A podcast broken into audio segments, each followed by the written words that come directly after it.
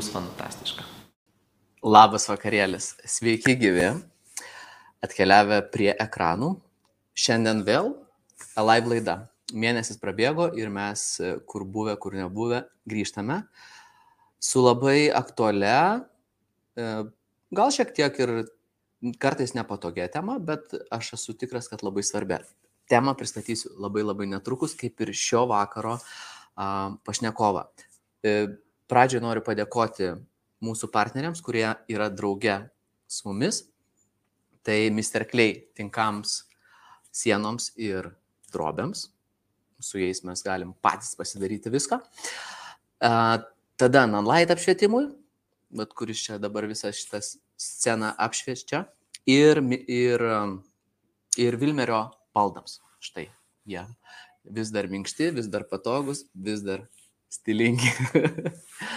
tai va, ir ačiū, ačiū Jums, gerbėmieji klausytojai, žiūrovai, kurie kiekvieną kartą aktyviai prisijungiate prie, prie transliacijos ir kaip aš sakau, bendra kūryba, bendru, bendrai sukūrėme mm, labai svarbų, labai įdomų turinį. O šiandienos tema yra fotografams kylantis iššūkiai arba problemos. Bet mes norėtume matyti tai kaip iššūkius, tai reiškia dalykus, kuriuos įdomu išspręsti. Tai tokia šiandienos tema, tai kviečiu aktyviai, aktyviai prisijungti. Kodėl jinai yra aktuali? Yra aktuali, nes metai bėga į pabaigą. Ir visai, aš manau, yra svarbu apžvelgti, kas, kas vyksta fotografų pasaulyje, kur, kur galima patobulinti dalykus, kokie dalykai nepatinka, ko trūksta, kad kitais metais būtų galima nuosekliai eiti ir analizuoti skirtingas temas, pažiūrėti, kur galima patobulinti, gal kažkokias temas galima išdiskutuoti, gal kažkur, vienu žodžiu, ieškoti sprendimų. Tai nieko nelaukdamas pristatau šio vakaro a, pašnekovą a, ir jisai yra Gytis Grigienas. Sveikas, Gyti. Sveikas, Tomai. Mėla, mėla, malonu tave matyti. Aš dar e, ir gal prieš dar ten pristatydamas daug, daug noriu pasakyti, bet stengsiuosi tiek daug nešnekėti, kiek noriu. Tai um, gyti, uh, aš pristatinėjau ir šiandien tave ir, ir aprašymė buvo, pradžioj buvo parašyta profesionalus apšvietėjas, aš vėliau įdėjau į, į skliaustelius gaferis, uh, tokį terminą, kurį aš irgi pats visai neseniai išgird, iš, išgirdau. Tai ką tu darai? Sudėtinga turbūt pasakyti, bet šviečiu, žinai, paprastai paaiškinu, šviečiu. šviečiu aikšteles. Iš tikrųjų, žinai, per tiek metų, kai žmonės gatvėje manęs paklausia, aš neturiu po šią dieną atsakymo tokio paprasto, žinai, kad paaiškinti, kaip, vat, kaip dviem sakiniais paaiškinti, ką tu veikia, žinai, švieti, nu ką tas reiškia. Tai čia yra toksai jo komplikuotas dalykas. Tarsi mes tą šviesą vis tiek turime, visada turime ar dienos šviesą, ar, ar, ar, žinai, ar tiesiog lempas, ar galų galia tiesiog paprastai studijos lempas. Tai ką aš darau? Tai yra taip, kad aš jas pastatau truputį kitaip negu dažniausiai jos stovi. Visas mano darbas, žinai, skamba paprastai, bet taip yra. Negu dažniausiai visi kiti pasistato patys, ne? Tu truputėlį kitaip. Ne, gal nereikėtų taip jau sakyti, žinai, kartais žmonės pasistato fantastišką šviesą. Aha. Ne, tai aš nenuvertinu, bet o, tiesiog sakau, kad tas kitaip tai reiškia, ką reiškia kitaip. Čia, sorry, kad šiek tiek į techninius dalykus, bet kas tavo, kas tavo profesijoje, kas tavo kasdienybėje yra kitaip. Geras irgi klausimas. Uh, žinai, ką reiškia kitaip? Kitaip tai reiškia taip, kaip man patinka. Jeigu taip labai grubiai atsakyti, tai iš tikrųjų taip, kaip man patinka. Ir, žinai, jeigu mano klientam patinka lygiai taip pat, kaip man patinka, arba jie tiesiog pasitikė, tai va taip kitaip aš ir statau. Tiesiog. Tiesiog aš, uh, žinai, mėgstu pasigilinti, pasiknisti, taip sakant, to šviesoje, apsistatyti daug tų lempų ir basically, žinai, va, va, va, va kur aš, kur mano tas arkliukas, žinai, kur aš mėgstu žaisti, tai stumdyti ir stumdyti ir stumdyti šviesas. Super. O kad aš, aš dar truputėlį grįšiu prie mūsų žiūrovų. Tai, kad užduot toną, nes iš esmės šiek tiek nuskubėjau kalbėti su tam gyti ir, ir šiek tiek užmetėm toną, tai labai fainai. Visi sveikinasi, tai dar pradžiai pasisveikinam, kol tu išgeriam vandens, pasisveikinam. Ir tai Arnoldai labas, Nerijau labas, Ina labas vakaras, Modestai labas, Lina labas, Justina, Simona ir man tai, ką man tas rašė, oi, aš tai turėčiau su gyčiu apie daugą pakalbėti. ok, man tai jau įdomu apie apšvietimą pakalbėti. Um, aš dar prieš važiuojant toliau į pokalbį uh, noriu pasidalinti šio vakaro pramogomis, atrakcijomis. Tai aš nusiteikęs šiandien padovanoti du prizus. Vienas yra už ką reikia padaryti. Čia toks startinis pokalbio metu dalykas, kur iš karto toks kaip prisičekinat. Pasidalinti šio, šio vakaro pokalbį. Tiesiog apačioje share, kad share'as atsirastų pas jūs. Ir pokalbio pabaigoje komentaruose mes išrinksime, nu, tiesiog paskelbsime nugalėtojo, kam padovanojam 50 eurų Brazil Photoschool uh, nuo, uh, dovanų kuponą. Tai čia vienas kuponas ir dar antras kuponas už Čia vat vėlgi dalinuos už pritagintą draugą, nes esu tikras, kad šita tema yra aktuali jūsų draugui, kuris galbūt tik pradeda fotografiją, o galbūt yra super mega kietas profas ir whatever. Būtent nesvarbu, koks lygis. Tai kviečiu tai padaryti ir tekstas apačioje kol kas tai primins. Aš prieš keliaujant su gyčiu, nes iš tikrųjų vat, mes pradžiai padarysim susipažinimą būtent dar su šiek tiek e, gyti su tavo profesija, nes jinai daug, daugumai yra nauja ir negirdėta. Aš galvoju, galvoju, galvoju tęsiam pokalbį, o vėliau pakviesim e, žiūrovus į diskusiją apie matomus bendrai challenges. Um, tai gyti teisingai suprantu, kad tu apšvietinėjai aikšteles, bet e, fotosesijoms, ne filmavimams. Ar ir Aš taip... šiek tiek vengiu filmavimų, jo. Ta prasme, būna ir tų filmavimų, ir, ir, ir, ir specifika šiek tiek skiriasi.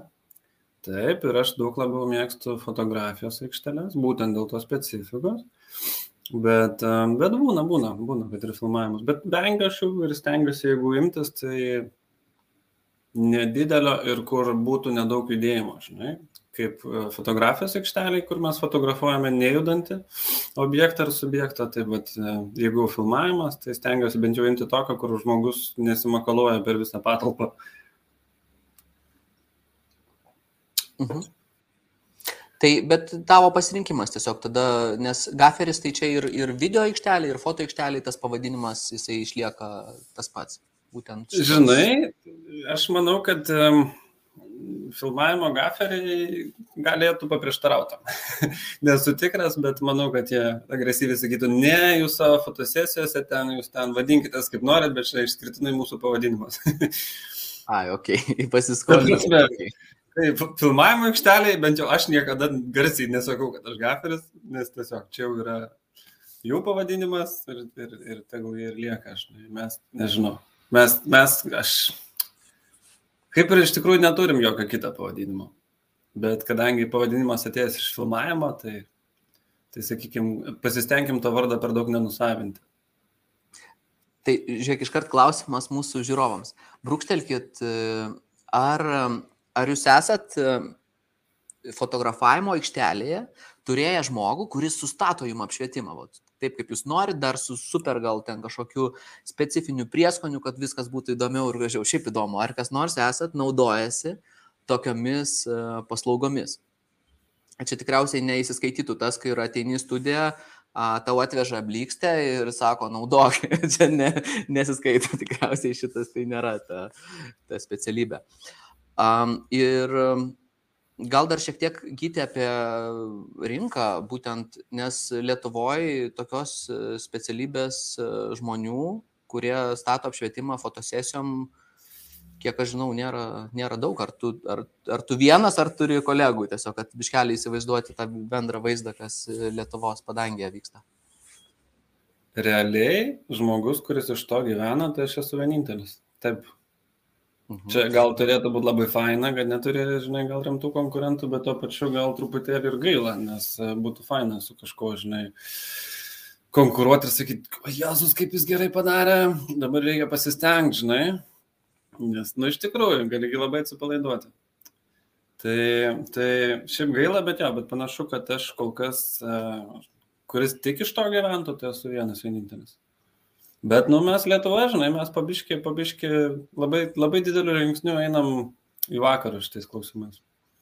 Tai galim to pasidžiaugti. Tai smagu iš tikrųjų girdėti, kad e, būtent e, fotografavimo aikštelė irgi atsiranda e, žmonės, kurie atsakingi tik už savo specifinę sritį. Būtent. A, tai čia mūsų žiūrovai dalinasi ir sako, kad ne, bet labai norėtųsi turėti tokį žmogų. A, neteko ai, čia dalinasi, man tas čia tas, kur kitiem pa... pa... dėja. Ok. Taip. O, Sigitas yra naudojęsis. Žiauriai gerai buvo. ok. Gerai. Uh, super. Tai, bet, bet dauguma žmonių nėra tekę, ne, netekę yra naudotis būtent apšvietėjo paslaugomis. Tai klausimas tada, o daug kas naudojasi va, tavo paslaugomis, ar tu esi, yra, kaip sakant, darbą? Aš jau, aš, aš, aš, tai, aš tai žinau, kad, žinau, kad, kad, žinau truputėlį atsakymą, bet kaip situacija gal pasikeitė nuo paskutinio pokalbio? E, tu teisus, situacija pasikeitė, gruodis e, kur kas ramesnis, žinai, palyginus su lapkritį, kur aš ten variau po šimtą valandų per savaitę. Tai taip, taip. Ne, iš tikrųjų darbo yra ir, ir viskas yra puiku, dėl to, žinai, problemų nėra. Čia aš tai labai džiaugiuosi, ta prasme, tas užaugimas per kelias pastarosius metus yra fantastiškas. Žmonių supratimas, man, man faina, kad aš gal, žinai, pas mane daugėja ne šiaip klientų, bet daugėja. Mano klientai tiesiogiai tai yra fotografai, produkšinai ir visą kitą, ar ne? Bet jie turi savo klientus, kurie yra užsakovai, tas galutinis užsakovas. Tai man gal faina tai, kad aš turiu savo klientų, kurie yra užsakovas ir kurie galbūt kartais keičia fotografų studijas, net agentūras, bet jie skambina man ir nori, kad aš būčiau. Nesvarbu, kad nu, komanda bus visai kita, žinai. Tai, tai byloja apie tai, žinai, kad pa žmonės atsiranda tas supratimas, kad nu, toks žmogus aikštelė yra būtinas, jeigu fotosesija yra rimta. Tai, tai okay. tai faina. Tai yra labai faina, žinai. Tai čia aš manau, Nes... kad visai, visai geras gyti momentas iš tikrųjų pažiūrėti, kada vertėtų pamastyti apie žmogų aikštelėje tokį kaip tu.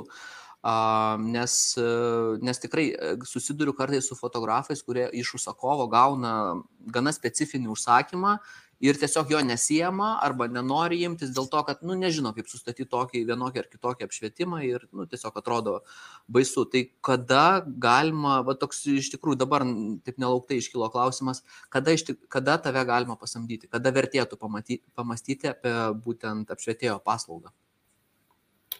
Kai yra, na, nu, žinai, tu bendradamas su klientu visada labai stengiasi išsigryninti, ką tu turi padaryti, kokia tavo užduotis yra. Ir jeigu klientas yra konkretus, kas yra labai faina, tu prasme, kad tu žinai, ką tu turi padaryti ir reiškia, nepridarysi nesąmonių, nes tu atliksi tą užduotį kaip įmanoma labiau išpildydamas, net nežinau, kaip čia teisingai išreikšti. Ir e, jeigu tam vadinamam briefė yra, daž, nu, šiaip dažniausiai briefė, bent jau, nu matai, aš dirbu faktiškai tik su reklama, bet briefė visada yra ir šviesos briefas koks, koks, koks turi būti mūdas, kaip jis atrodė, žinai. Ir jeigu yra toksai, ir jeigu jis yra komplikuotas, nu tai be abejonės, kad reiktų pagalvoti apie tai, žinai. Be abejonės, kad reiktų, tai didžioji dalis mano klientų taip ir padaro, tiesiog man parašo, žinai, klausyk, kaip čia reiktų padaryti, žinai. Ir tu pasižiūri ir sakai, nu, Hebra, tu pas mane neapsimoka dirbti su tokiu projektu, nes, nu, jis yra paprastas, pasistatykite ten vieną, dvi lempas arba naudokite dienos šviesą, nes fotkinsi dieną, žinai, ir that's, that's gonna be fine. Ir tiesiog taip ir išsisukia. Ir aš taip realiai tokių pokalbių aš turiu per dieną nemažai ir 7-8 procentų užklausų va taip pat ir pasibaigia. Bet būna tų specifinių, tikrai specifinių, kur jau yra daug reikalų. Ir tai yra, tai yra va iš to, ką aš valgau duoną. Ok, tai būtent tų paprastesnių, kur pats žmogus ten tiesiog porą blikščių pasistato, tai tu tiesiog parekomenduoji ir net, kaip sakant, sakai, kad e, tavęs. Jo, nes nėra prasmės žmonėm pinigus mesti, žinai, nu, negali sakyti balą, bet realiai į balą, žinai, kur ten viena lempa ištiesiai, ar ten su dėlaitu tikrai fotkina, nu, fotkint reikėtų ir, sakykime, galimybės leidžia, nes ten yra atitinkamai studija ir laiko tarpas, kada tai yra, nu, ten trumpa fotosesija vidury dienos, žinai. Mhm. Tai, nu, kam? Kam, tiesiog, kam, žinai. Gal būtų faina sakyti, jo, jo, važiuojam, žinai, paimsiu aš tos pinigus, bet, nu, kam, kam to reikia. Okay, jo labiau, kad, nu, vis tiek aš pratęs dirbti su daug tos technikos ir, sakykime, kartais žmonės, žinai, įsivaizduoja, kad sumokės man mano honorarą ir jau viskas bus pasaka, bet pamiršta apie tai, kiek dar technika kainuoja, kartais kiek jos reikia. Tai žinai, tai, tai jeigu tas biudžetas yra ribotas, o biudžetai visada yra riboti, ir ten reikia vienos lempos, nu tai vėliam ten mesti tos pinigus, ne dar daugiau. Tai, tai tiesiog. Tai va, tai šiaip jo, iš tikrųjų, nu, didžioji dalis briefų pasibaigia taip, kad tiesiog manęs neima ir tai yra mano paties rekomendacija. Tai va, aš dirbu su tą mažumą, kur būna tikrai komplikuota, sudėtinga, įdomu ir galimybės leidžia. Čia irgi toks niuansas. Ok. Ir manau, kad ir pačiam labiau challenging ir įdomu su tokiais projektais dirbti. Mm, dar kažką naujo integruoti galbūt. Taip, be abejo, be abejo. Taip, taip. Ok. Gyti, iš tikrųjų labai įdomu kalbėti apie visą tavo mm, profesiją. Ir aš manau, kad mes dar kažkada tikrai turėtume susėsti ir grinai tik apie šitą dalyką pašnekėti, bet šiandien mes susitikom pakalbėti apie būtent e, fotografams kylančius iššūkius. Tai um, tikiuosi viskas ok, kad peršoksim dabar šitą dalį. Taip, taip. Tai, um, tai kodėl, kodėl su Gyčiu nutarėm pakalbėti, nes Gytis labai dažnai yra um, fotografija, uh, tiesiog aikštelėse, fotografijos aikštelėse ir mato visą procesą iš labai labai arti tai tiesiog toks kaip neutralus žmogus, kuris gali pasidalinti savo, savo vaizdu, kas vyksta, kur, kur galėtų būti geriau, kur tie iššūkiai, su kuriais susiduria fotografai. Tai aš šiandien gyti pažadėjau, kad mes kalbėsim, paliesim nuo pradedančių, pradedančiuosius fotografus, pažengusius pro fotografus, o ne skirtingus lygmenis, kad truputėlį mhm. būtų išskaidimas. Tai aš galvoju, mes pradedam po truputėlį nuo, ne po, ne po truputėlį, o iš tikrųjų pradedam nuo pradedančiųjų fotografų ir keliaujam link uh, profesionalų. Tai, uh, tai gerbėmiai žiūrovai, galbūt jūs neseniai tik pradėjote domėtis fotografiją, galbūt step by step fotoaparatą išmokote valdyti, galbūt ten nuėjote keletą kursų, gal šiek tiek laiko fotografuojate. Galbūt jūs jau esate žiauriai pro, bet kažkada pradėjote. Tai pasidalink, pasidalinkime, padiskutuokime, padiskutuokime kokios, kokie iššūkiai kyla pradedant tik tai atėjus į fotografijos pasaulį. Galbūt nebūtinai tai, kad jau taip mes nusprendėm tapti profesionalu, bet tiesiog paėmėm fotoaparatą, domimės, žiūrim, galvojam, ar čia hobis, o gal kažką čia su tuo daugiau daryti pasidali, pasidalinkite iššūkiais. Problemos, kurios kyla pradedant fotografuoti. Labai paprastas klausimas. Tai, Gyti, turi kokį? Ar laukti? Kokios problemos kyla pradedant fotografuoti, ar ne? Mhm. Jo, čia aš manau, žinau, kažkaip bet, jaučiuosi truputį nepasiruošęs, bet manau, kad galėčiau vadovėlį apie tai parašyti. o, wow, žinai, kokių tik nekyla. Bet be abejonės, kad iš tikrųjų, nu, 95 procentai susiveda į komunikaciją iš tikrųjų. Nu, realiai viskas, visada susiveda į komunikaciją. Ir gerai, gal taip dar kol kas tais bendrais brožais šnekant, tai neretai pradedantieji ne visai orientuojasi galimybėse. Nebūtinai savo galimybėse, bet e, komandos, technikos, e, retušo, nu, turbūt ir paminėjau viską. Reiškia įvertina arba pervertina kažkuria, kažkurias dalis, ne, viso proceso. Jo, gal greičiau neįsivertina kartais, žinai. Mhm. Arba tiesiog nežino. Nežino, kad va šitas tai labai lengvai čia susiretušuos ir nėra dėl ko sukt galvo, žinai, o iš va tokio kadro staiga peršokti į kitokį kadrą yra, nu, tiesiog, sakykime, nerealu. Nerealu paprastom sąlygom, nes ten jau reikia staiga, žinai, ten ar daug šviesos, visai kitokio makijažo, gal kitos studijos, daug daugiau laiko, galbūt dar kažkokios papildomos technikos, žinai. Ir, ir jie patys galbūt to nežino ir tuo labiau nu, nebūtinai sugeba iškomunikuoti į klientui ar kad ir kas bebūtų ten tas užsakovas, galbūt, galbūt jis pats yra, žinai, bet tiesiog, vat, vat, mhm. atrodo, kad tai yra paprasta, bet iš tikrųjų taip nėra sakykime taip. Ok, tai kartais iš resursų pusės paprasčiau tiesiog postprodukcijai pašalinti, negu ten kaitaliuot visą apšvietimą ar ten visą aikštelę perstatyti ar dar kažkas. Aišku, dažniausiai yra atvirkščiai, bet, na, nu, kaip pavyzdys, žinai, kad galbūt...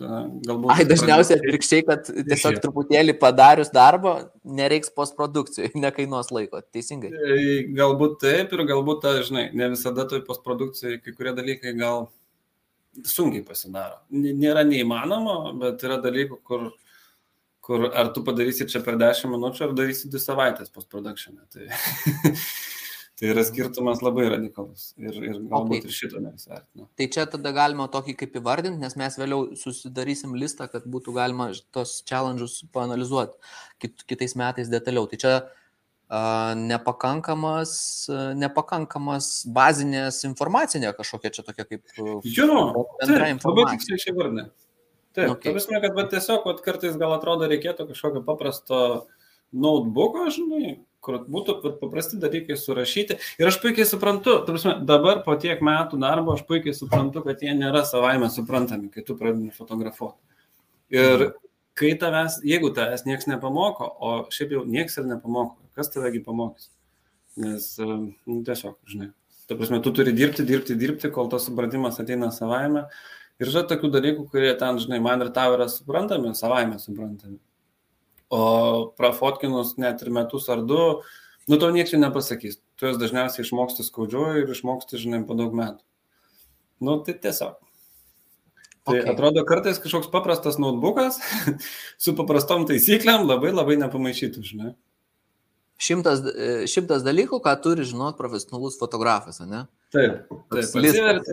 Ir, ir pirmas, pirmas, jeigu klientas nori daug taškis, jūs atsakote ne.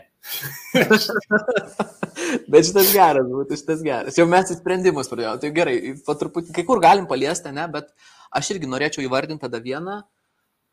Tai pradedantis e, fotografas, mm, kai pradeda fotografuoti, jisai įsivaizduoja fotografo, profesionalaus fotografo kasdienybę truputėlį per rožinius sakinius. Tai galvoja, kad aš spaudžiu mygtuką, žurnalo viršeliai čia nais, gražus modeliai, o iš tikrųjų, kad yra daug kito darbo be mygtuko paspaudimo. Yra šitas, kaip tu galvoji? Tai, tai kaip yra? Dar ir kaip yra, tu gal labą dieną, tu galvoji, aš kitaip atėjau šitą sferą. aš irgi galvoju, o, nusipirkau fotoaparatą, viskas.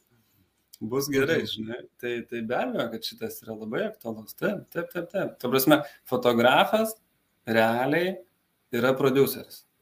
Jo darbas yra susiprodusuoti, žinai, mygtuką paspausti, nu, čia yra ta lengvoji dalis. Ir Labai geras netgi pavyzdys, aš jau iškiau nukreipsiu temą, bet labai geras pavyzdys, žinai, aš esu gaferis ir aš pagaliau džiaugiuosi, kad e, aš Lietuvoje galiu iš to gyventi, bet aš kažkada labai norėjau būti digital. Digitalas yra tas žmogus, kuris aikštelėje spaudžia mygtuką. Ne fotografas. Fotografas bendrauja su modeliais, fotografas bendrauja su klientais stovinčiais už nugaros, mygtuko jis nespaudžia. Bet e, vat, Lietuvoje, matai, digitalas žmonės vis dar nenori mokėti pinigų už tai, kad tavo fotoaparato mygtuką spaustų kažkas kitas. Tai va, tai žinai, tai mygtuko paspaudimas yra tikrai, palyginus paprastoji dalis, tau reikia susižiūrėti visas kitas dalis, pradant šviesa, lokacija, stilium, grimu, bendravimu pozomis, nuotaikomis, kliento pageidavimais, kliento įnoriais fotosesijos metu, ir visą tai suderinti taip tobulai, kad gautųsi, visi liktų laimingi. Visi. Čia yra užduotis. Ok, ir tikrai ne, nelengva užduotis, nes tu turi, kaip sakant, sujungti a, dešimt ar daugiau skirtingų sferų ir, ir, ir panašu ar didesnį gerokai kiekį žmonių. Ok, um, Eglė dalinasi. Tai sako Eglė, kad mano problema, tuoj pasidalinsiu komentaru, sako, mažos erdvės ir mažai šviesos pagrindinės. Ok. Mhm. Taip, taip, yra tokia problema. Taip. E, Žinom, ačiū. Ok. Tai čia iš Ok. esmės tikriausiai ta situacija, kai aš pradedu fotografuoti ir aš e, fotografuoju namuose kažkur tais ar kažkas tokio iš serijos. Nes e, kaip, manau, kad čia šitas variantas, kur tiesiog trūksta resursų. Trūksta, geras klausimas, žinai, kokių resursų iš principo trūksta, nes šviesos pasidaryti, net ir su viena blikste, kaip ir nėra problemos, bet pasidaryti ją gražią, tai va čia yra problema. Tai žinai, šiaip tai aišku, reiktų pasigilinti į šitą konkrečią sferą, tai egliai klausimas tada, žinai, ar gerai pažįsti savo fotoaparatą, ar žinai, kokios yra ribos, pavyzdžiui, ISO, prie kokio ISO, nu, sakykime, tu turi savo kokybinę kartelę, kad tarkim ISO ten 1600 yra dar patenkinama, ISO 3200 jau yra, nu, tipo, ant tiek negalima spaudyti. Tai čia pirmas klausimas, antras klausimas tada mažai šviesos pagrindinės. Tai ką reiškia tas pagrindinės? Ar tai yra dirbtinė šviesa? Jeigu tai yra lango šviesa, tai tada vis tik tai, aišku, reiktų orientuotis į savo, į, į fotoaparatą, ta prasme, į digitalą. Jeigu tai yra blikstė, nu čia kiekviena situacija turi savo niuansų. Aš šiaip labai mėgstu lokacijas, čia yra mano arkliukas iš tikrųjų, aš nemėgstu studijų, aš labai labai mėgstu lokacijas, kur tu esi užgrūstas kokiam nors senam tarybiniam būtė ir turi nufotkinti ten reklamą, žinai, ir lubos yra tokios, kad tu ranka pasiekė, o blikstė visada keli aukštai. Ir tada stengiasi atsimušti ten nuo kampuko, kur ten truputį bliką pagauna per veidrodį, apšviečia veidą, žmogus turi pasilenkti, jeigu atsilenkia į tamsoje. Bet e, labai specifinė kiekviena situacija yra. Labai labai specifinė. Tai aišku, visada reiktų, čia toks gal bendras patarimas. Nebandyk apšviesti visko, o pasistengk su ta šviesa kažką nupiešti. Tas žodis piešti yra labai tinkamas ir labai geras šitoje vietoje, žinai. Ta šviesa turi parodyti tik tai, ką tu nori parodyti. Ir naudotis gali faktiškai viskuo. Nu, labai nerekomenduočiau telefoną blikstės, nes jinai sugeba spalvos sugadinti. Bet net telefono ekranas yra labai neblogas daiktas, jeigu fotkini portretą, žinai. Tai tokių visokių tips and tricks, aš manau, kad galima prisišaudyti. Bet čia, aišku, labai specifinių, čia reiktų žiūrėti pagal situaciją. Kokia Okay. konkrečiai situacija.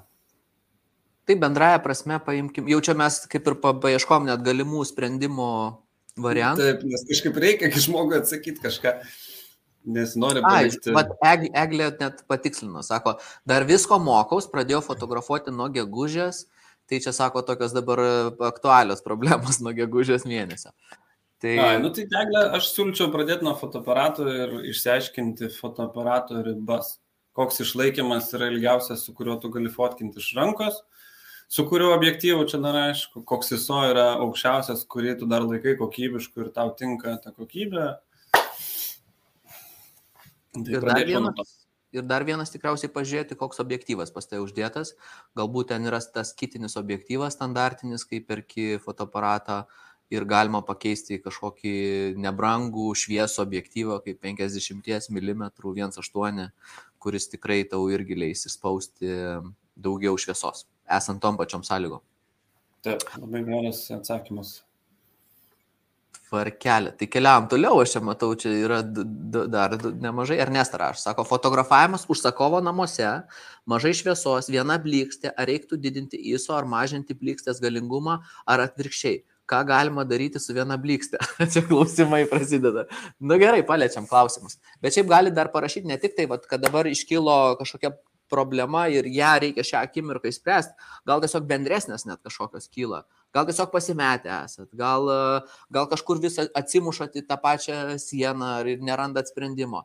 Um, aišku, šitie klausimai irgi puikiai tinka, tai paliečiam Ernestos šiek tiek e, klausimą. Tai Gerai, palieskime. Um, Gal tu nori kažkaip, čia labai gerai išvalga šovė su to objektyvu, gal nori pradėti? Fotografavimas užsakovo namuose, mažai šviesos vieną blikstą reiktų didinti ISO ir mažinti blikstės galingumą. Abu variantai geri, iš esmės, ką tu nori išgauti, iš esmės, jeigu tu nori, nu, daugeliu atveju, jeigu tu, jeigu tu fotografuoji žmonės, tai tikriausiai norėsi pakankamai atviros diafragmos. Um, dirbat su atvira diafragma, blikstas galingumas negalės būti didelis, nes tiesiog blikstas sušvies per šviesiai tą kadrą. Bet, bet, vėl, jeigu, bet vėl, jeigu norėsi gilio iš antro plano be blikstės, iš kažkokio lango ar kažkokios refleksijos, tai tada gali tekti ir pasikelti ISO. Tai rekomenduočiau aš tikriausiai dirbti mastant uh, dviem etapais. Pirmas etapas pasižiūriu aplinką be blikstės, kaip jinai šviesumas ir pareguliuoja parametrus.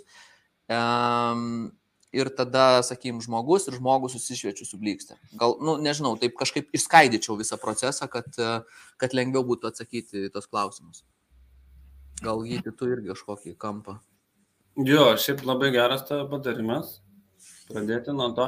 Žinai, sunku labai suprasti, ką reiškia ta blikstė, kokia ta blikstė yra, žinai, ar čia mes kalbam apie speedlight, ar mes čia kalbam apie... Čia dar okay, toksai momentas. Okay. E, bet šiaip, šiaip, šiaip esmė, žinai, pati gražiausia mums šviesa visada yra natūrali. Ir su blikstėm dažniausiai, dažniausiai ne visada, bet dažniausiai stengiamės ir imituoti nat, nat, natūralią tą šviesą. Tai čia toks, aišku, labai bendras pavadinimas, pas pasakymas bus, bet tai reiktų stengtis taip ir daryti. Tai jeigu turime baltą sieną, tai geriausia tą blikstę statytis šiek tiek toliau nuo sienos, kad ta blikstė sušviestų sieną, maždaug tokio dydžio, kokio būtų langas, ir jau tada ta siena šviestų į žmogų. Tai visada, aišku, būtų faina, kad šiek tiek iš aukščiau, šiek tiek labiau iš priekio. Bet tas bandymas atkartot kažką natūralaus visada pradžiai bus pats geriausias variantas. Tarsi pats saugiausias ir jisai visada bus um, gražus. Liuks, labai geras atsakymas, ačiū. E, gyti, nes gal Ernesta dar kalbėjo, aš, aš tai apie tokią studijinę blikstą įsivaizdavau, bet galbūt tai yra kalbama apie speedlightą, kuris susideda ant fotoaparato. Taip, aš tą patį galvoju. Tai... Bet, žinai, tai tas speedlightas, iškart sakyčiau, nekreipkite lubą speedlighto, nu nekreipkite, nes tiesiog ta kryptis, ypač jeigu iš arčiau fotografuojat, bus, nebus gerai, nedarykite taip. Jo, nedarykite taip, nedarykite taip. Dabar, jeigu jisai nenusiema nuo kameros ir neturit paleidėjo, bet turit baltą sieną ir ten tolė, tai sukit tą speedlightą į tą baltą sieną, galbūt net šiek tiek už savęs, kad atsirastų kryptis. Atsiras kryptis, atsiras kažkoks piešinys. Jeigu turite atšvaitą, labai puiku, naudokite atšvaitą. Čia tokie, žinai, universalūs atsakymai, bet Dėkui, gyti. Aš taip galvoju, tave įleidus kur nors ir su paprastu speedlightu ir paleidėju, tu padarytum dalykų, žinai. Ok, tai įdomu būtų, kaip sakant, įdėti tave į tas tokias, žinai, sąlygas. Bet aš, aš, aš papuolu į tokias, aš dažnai papuolu į tokias ir aš mėgstu tokias, žinau. Čia sakau, čia yra mano arkliukas, kur gauni darybinį būtą. E, mes fotkinam e, laumą, žinai, patinis trikotažas. Mes jį fotkinam bent du kart per metus, ten pagaunasi po 3-4 pamainas ir visada bent viena pamaina gaunasi vonio ir tualete. Nu, nes turi būti maudimukas. Žinok, ta prasme, tu įsivaizduoji, ir tai būna lokacija, tai būna nesetas, tai būna lokacija. tai tu įsivaizduoji, kai šešiuose kvadratuose turi dirbti aš, fotografas, kompas, dar produceris įkišęs nuosą, žinai, ir dar šviesos. ir telpa, ir telpa, žinai. Tai, okay. tai čia mano arkliukas, kur ten tada nuo plytelio atspindi kažkaip čia per lubas, per veidroduką, čia atšaituką įkiši, atžaidė. Ok. Uh, tai iš tikrųjų skamba taip visai challenging šitas dalykas - išmokti dirbti blogomis būtinėmis sąlygomis. Ne, vis, tokios, nu, tokios apribotomis sąlygomis. Taip, taip, taip. Net iš tikrųjų įdomu. Taip. Keliaujam toliau. Ramūnai, ačiū. Ramūnas rašo, didžiausia problema yra šviesos sustatymas, kiek retesnė problema techninė, nušokantis fokusas dėl nesukalibruoto objektyvo prie fotoaparato. Ok. Ką mes čia galim paantrinti Ramūnui? Šviesos sustatymas, tai kokia čia problema? Aš sakyčiau, tiesiog jeigu tai yra studijinis apšvietimas, tai yra a, studijinio apšvietimo naudojimo žinios ir praktika. Tai, tai galima tiesiog išmokti šitą dalyką. O kaip su fokusu? Nu, vat, nušokantis fokusas dėl nesukalibruoto objektyvo. Šiaip objektyvus kalibruoja tada, kai jie, nu čia toks, aš žinai, labai, sakykime, trūksta informacijos, bet objektyvus kalibruoja tada, kai jie suveda fokusą visada blogai į vieną vietą. Tu suvedi fokusą, jis patvirtina, bet jis visada iš tikrųjų fokusas yra šiek tiek kitur. Tai čia tada kalibravimo reikia. Jeigu fokusas nušoka šiaip, tai problemos reiktų ieškoti kažkur kitur. Galbūt reiktų nešti fotikai servisą arba objektyvą arba būdu. O šviesos sustatymas, nu čia toks irgi, žinai, ką aš galiu pakomentuoti. Aš labai siūlyčiau pasižiūrėti tada kažkokius basic tutorialus, tokius visiškai basic, vienos lempos iš tikrųjų. Ir ten tų krypčių nėra daug, bet jie visi saugus. Ir kai, kai išmoksti tą vieną lempą pasistatyti, pasistatyti teisingai gražiai, kad ir tą patį Rembrandtą, nu, vat, nuo ten prasideda važiavimas, žinai, nuo ten prasideda kelionė. Bet kai pirmas tik pasistatai gražiai, pats savo nusišypsai, kad gerai padarė, tada įsijauti, tada jau gali žaisti, tada jau pasidaro fain. Tai Super. turbūt tiek. Aš tai ramūnai dar dėl to fokuso, tai sisteminiuose fotoaparatuose šitos problemos jau yra nebelikę, tai, tai aš žinau iš tikrųjų kaip pats, kiek, kiek, kiek tu nori su atvira diafragma padaryti tikslų kadrą, ir kiek reikia kartais pasistengti ir kiek jaudintis, kad ten kažkoks procentas nuotraukų bus netikslios, bet šio laikiniai sisteminiai fotoaparatai tiesiog turi tikslų fokusą, nes visa fokusavimo sistema yra tiesiai, čia gal techniškai ne visai tiksliai pasakysiu, bet tiesiai ant matricos ar kažkaip ten tiesiog tai nėra atskiros sistemos šalia, tai dėl to atsiranda tikslumas. Tai galbūt vertėtų, jeigu tai yra didžiausias skausmas, kaip man irgi buvo labai didelis skausmas, tai galbūt vertėtų pamastyti apie sisteminį fotoaparatą. Aš galiu tavo pantrinti tiesiog, tarp kitko, čia irgi nušoksim nuo temos be abejo. Drąsiai. Žinai, aš kiekvieną dieną dirbu su skirtingais klientais ir kiekvieną dieną čiupinėju skirtingus fotoaparatus. Ir nu, jau senokai mano klientai, niekas iš mano klientų, o mano klientų yra daug, niekas iš mano klientų nebeturi veidrodinių fotoaparatų. Ir kai būna dar kažkur kažkaip pas kažką, pamatai tą veidrodinį fotoaparatą, jau nustebi, nes jis jau šiai dienai atrodo e, pakankamai, nu, nebemadingas gal jau, tiesiog nebemadingas, žinai. Ir be abejonės, kad fotografuojami kompai, Capture One. Ir prisimenė tai, kad vis tik reikia pastikrinti fokusą. Nes su sistema mes to nebedarom. Mes to nebedarom. Nebėra žmogaus, kuris sėdėtų prie kompo ir tikrintų, ar kiekvienas kadras yra ryškus. Nes tiesiog sistema yra tiek tiksli. Tai čia visiems, va, čia šiaip toks patarimas, kad jeigu jūs galvojat pirkti fotoaparatą, tai, nu, veidrodinio nebežiūrėkit. Tu prasme, tikrai nebežiūrėkit. Visai kita tema yra. Sistema yra visai kita tema. Super. Kaip sakant, tendencijos ir kas mūsų laukia, ne, ateityje, kad ne, nebeliks tikriausiai veidrodinių. Taip, keliavam toliau. Mhm. Edas rašo, sako, o gal galima būtų sužinoti keletą įdomesnių lokacijų aplink Kauną. E, tai klausimas, problema, kurią šiaip plačiaja prasme būtų galima spręsti, lokacijų, naujos lokacijos. Aš bandau išsisteminti, kad, žinai, tokį bendrą, kad uh, Galbūt tada galima, žinai, ten sukurti kokią grupę Facebook'o lokacijos aplink Vilnių, Kauną, panašiai ir taip toliau. Ir tai o kaip fotografai, jeigu taip trumpai atsakant, ieško lokacijų? tu kartais irgi, kažkada irgi, man atrodo, ginti pasakai, sakai, einu, važiuoju lokaciją pasižiūrėti. Šiandien buvau. Šiandien buvau. jo, ne, bet, nu, čia kita tema buvo, bet uh, lokacijas fotografai dažniausiai ieškosi patys iš tikrųjų, bet, žinai, viskas į fotografiją ateina iš filmavimo. Filmavimams mes turim net ne vieną agentūrą Lietuvoje, kurios ieško jums lokacijų. kurios už pinigus ieško lokacijų, pasakai, ko tau reikia, jos tau suranda lokacijas. Tai žiūrint, net tai labai čia priklauso nuo ko tau reikia, žinai, tau reikia oro uosto, nu tai pasirinkimas bus nedidelis. Tau reikia kažkokio interjero, gaila, bet tu eini į Airbnb ir ten skrolini iki kolakis parausto. ir šitaip ieškai, nes, nu, žinai, paprastuoju būdu. Jeigu nenori mokėti pinigų, tai paprastuoju būdu. Aš tai aplinkau na įdomesnių lokacijų, nežinau, žinau tą Palemono fabriką, keramikos apleistą, esam ten kelias reklamas fotkinę, bet šiaip iš principo nelabai žinau aš lokacijų aplink Kauną, nes Kaunas toks, mes kažkaip vat klaipėdai dažniau net būnam negu Kaune. Taip, okay. sorry, net labai ką pasakysiu, nemanau.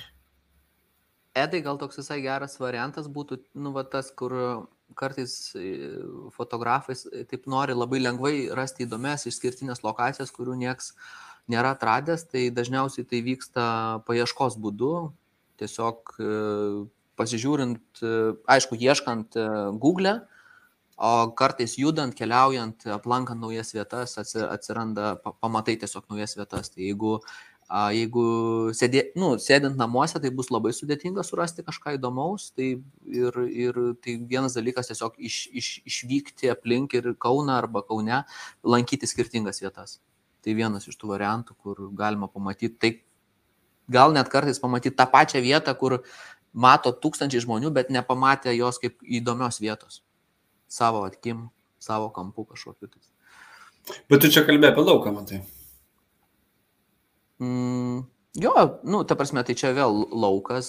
Ai, nu, o tu apie vidų kalbėjai, ne? Nu, tai va, kad yra ir vidus, žinai, ypač žiemą, tai dažniausiai tau reikia vidaus. Tai čia tada iš vis labai komplikuojasi visos paieškos. Ok, jo, nes tada, tada jau jo, nes ypač jeigu dar nori kažkur patekti, uh, A, ne, nu tai aš nežinau, Edas kokio lygio fotografas yra, gal jisai tik tai nu, pradeda, o gal ten metus fotografuoja, tai dar tada tikriausiai nėra tokio kažkokio biudžeto, kur galima išsinuomoti, nu, tiesiog nėra kliento, kuris moka tiek, tai norisi rasti, žinai, kaip sakant, paprasčiau, pigiau, žinai, ir, ir panašiai, žinau, iš savo patirties. Tai, tai tų būdų iš esmės skirtingo, tikrai įdomi, įdomi, įdomi aktuali tema Ypač matau vasarą vestuvių fotografai dažnai klausia, kur lokacija, kad nuo lietaus pasislėptų, kur lokacija, a, okay. ne, nu, nes, ne studijai, bet lokacija ir tikrai, tikrai šitą girdžiu dažnai. Aha. Mhm, čia toks klausimas. Jau klau, mhm. pradeda klausinėti, kokie trendai yra, kokios mėgstamiausios šviesos, tai aš dar truputėlį prabėgu pro tai. Okay. Vilmantas sako Zdarovenko. Zdarovenko. Zdarovenko, Vilmantai. Gerai. Tai, ai, tikiuosi, Vilmantai klausai ir to iššoksim prie, prie kitos dalies pažengusių profesionalų. Bendrai manau, kad paimsim ir kokios, paklausim, kokios, su kokiam problemom tu susiduri. A, taip. Um, mm, mm, mm. Ar, o, čia visai įdomus klausimas, tiesiog gal trumpai tiesiog tą galim paliesti. Gabija Kavaliauskaitė sako, ar fotografijos pasaulyje yra šviesų trendai? Bliama, kaip gėda pasidarė. Žinai, iš tikrųjų tai yra. yra ir aš nežinau, kokie dabar trendai. Nes tiesiog, ne, ne, man kažkaip pagal darbo specifiką visiškai jau senai nebežiūriu aš tų trendų, nes trendai vis tiek ateina per fashioną o reklama, man, man reklama ateina su briefais. Ir aš tiksliai žinau, ką aš darysiu rytoj, poryt, už poryt ir kiekvieną dieną. Ir nebelabai seku tų trendų. Bet be abejonės, kad e, yra tie trendai ir tie trendai dar pasidiktuoja su technologijom. Kaip aš dabar mačiau ten kažkieno klausimas, kaip aš apsišvietęs, tai aš va tokiais pat onlaitais kaip tau už nugaros. Pas mane irgi va tokie ir yra fantastiški kai kuriem paprastiem dalykam, nes jie yra fantastiškai kompaktiški, žinai. Ir, ir turi labai specifinę savo šviesą. Tai tie trendai be abejonės, kad e, kinta. Kinta ypač, kai mes turim dabar blikstą su batareikom. Rimtas studijinės blikstas su batareikom, tai yra fantastika. Tai tas trendas irgi labai keičiasi.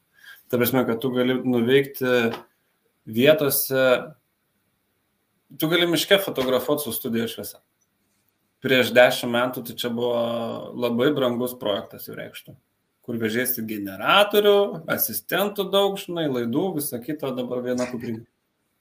Man tai čia yra amazing. Ta prasme, tikrai, tikrai nerealu yra.